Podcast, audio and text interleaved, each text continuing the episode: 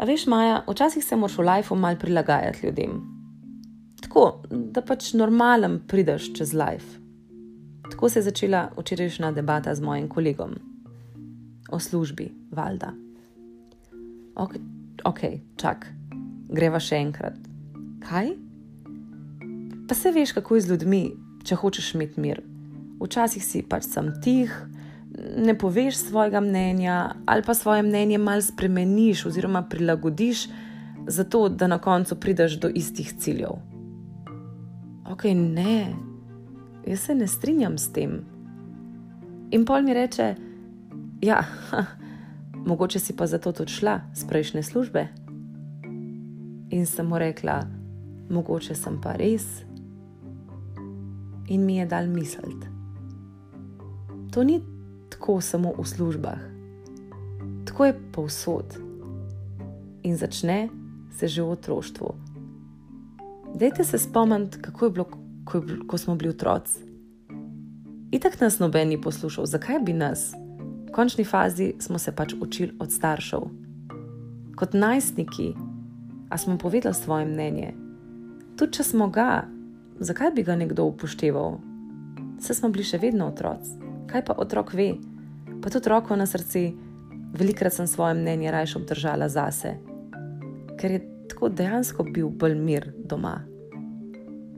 In potem prideš v šole, so tukaj učitelji, so profesori, ki se veste, so bogovi. In pri nas je vedno veljal unrek, Bog zna za pet, jaz znam za štiri, vsi ostali od tri navzdol. Pač od mehanga smo vzgojeni v ovce, ki kimajo. Ker roko na srce tudi v šoli si vedno najbolj čez prišel, ko si pokimal, ko si se prilagodil večini. Bog ne da, da si ven štrlel.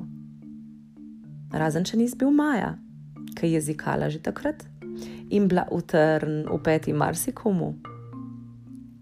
Ne vem, če sem jih na to ponosna. Jaz sem, moji starši niso bili, za njih je bilo težko, ampak že takrat sem vedela, da lahko povem svoje mnenje, če ga imam. In potem pride čas študija, faks, ki ga pač nisem dokončala, iz istih razlogov. Zato, ker naše mnenje itak nikoli ni štelo. Se spomnim profesorja Čuka, marsikdo se ga spomni iz fakultete za šport, za gimnastiko. Zbirala sem pogum en mesec, zato da sem mu prišla povedati, da pač enostavno določenih stvari ne zmorem zaradi zdravstvenih težav. In to je bila za me nočna mora. Deset let, deset let sem sanjala gimnastiko. In potem sem prišla k njem, odprla vrata, potrkala, rekla: Profesor Čuk, lahko vas za minuto zmotam.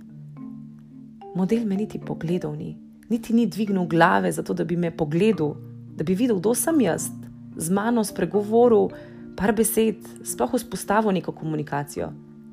Tega ni bilo. In tukaj se je moja študijska pot zaključila.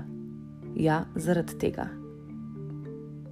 In gremo v službam, a je tukaj kaj drugače, ki se uvajaš, pač poslušaš, kimaš, se učiš, ne izražaš svojega mnenja.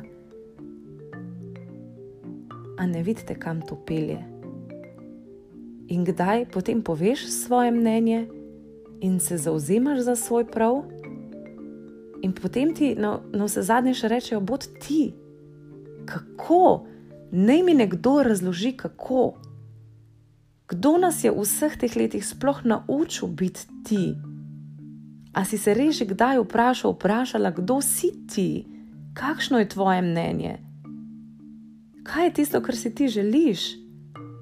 Če v bistvu v vsem tem času niti možnosti nisi bil ti.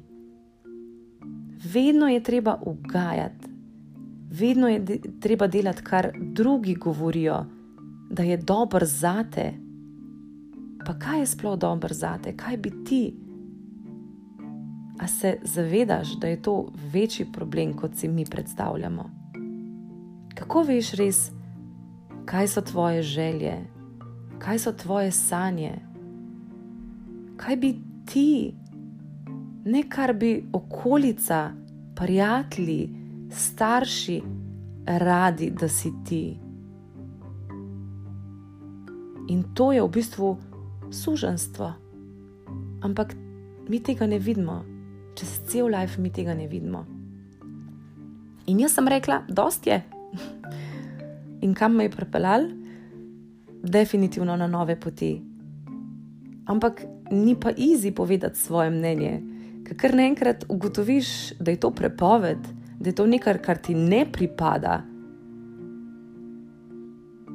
Jaz sem se pač postavila zase, jaz ne usiljujem svojih mnen, jaz nisem pametna. No, v bistvu sem zase, ampak kdo bo pameten za me, če ne jaz? Jaz sem odgovorna zase, za svoje želje.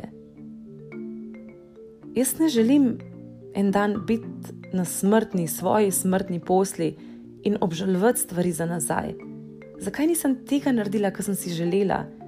Vedela sem, da so to moje sanje, zakaj nisem šla saj probat, pa se konc koncev, tudi če mi ne uspe, bom saj rekla, da sem probala. Zakaj takrat nisem povedala tega in tega in tega, ker sem tako mislila? In če boste šli preverjati, to so največje, um, to ljudje najbolj obžalujejo, ko so enkrat na smrtni posli. In jaz tega nočem.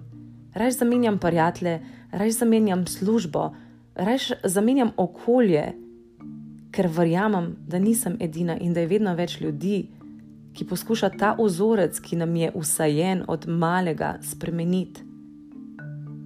Še ena stvar, ki me je pa res strezala in jaz verjamem, da me boste starši razumeli, je pa to starševstvo, ko veš, da vsak ozorec prenašaš na svojega otroka.